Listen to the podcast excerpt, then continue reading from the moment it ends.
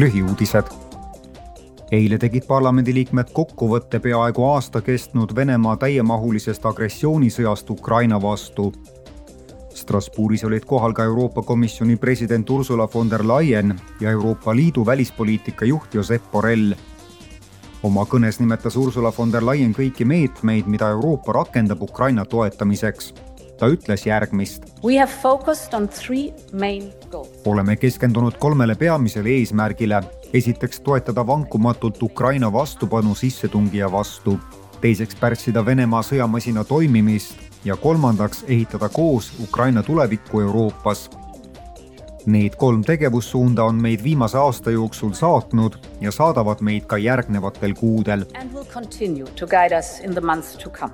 Euroopa Liidu välisasjade juht Josep Borrell juhtis oma kõnes samuti tähelepanu sel aastal vastu võetud sanktsioonidele ja palus seejärel Ukrainale rohkem sõjalisi tarneid. ta ütles järgmist. kutsun üles kõiki Euroopa riike, kel varustuses kaasaegsed töökorras tankid, mis garaažides tolmu koguvad, Ukrainale eraldama. ja seda nii kiiresti kui võimalik. sest see kevad ja suvi on otsustavad sõja käik otsustatakse sel kevadel ja suvel. parlament arutas, kuidas Euroopa Liit saaks jätkata oma toetust Kiievile. täna pannakse hääletusele selleteemaline resolutsioon. parlamendi täiskogu külastas ka Läti president Egils Levits, kes kutsus Euroopat üles Venemaad kuritegude eest vastutusele võtma ja toetama Ukraina tulevikku Euroopas. ta ütles järgmist tuleb tagada, et Venemaa külmutatud varasid kasutatakse Ukraina ülesehitamiseks.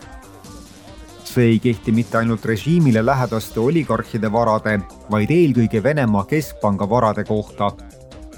kuigi see on keeruline, on see õiguslikult võimalik. vaja on poliitilist tahet. samuti kutsus Läti president üles leidma nii-öelda poliitilise lahenduse populistidele kes üritavad valijate tahet ettekäändeks tuues õigusriigi põhimõtteid kahtluse alla seada. kuigi rahvusliku identiteedi, kultuuri ja keele mitmekesisus on Euroopa tugevus, peavad õigusriigi põhimõtted olema kõikjal ühesugused, rõhutas ta parlament toetas täiskogule ettepanekuid, mis soovivad parandada teises liikmesriigis elavate kodanike Euroopa ja kohalikel valimistel osalemist parlament nõuab siduvaid reegleid valijate registreerimise kohta, kui nad elavad teises liikmesriigis. tänapäeval elab üksteist miljonit hääleõiguslikku eurooplast mõnes teises Euroopa Liidu liikmesriigis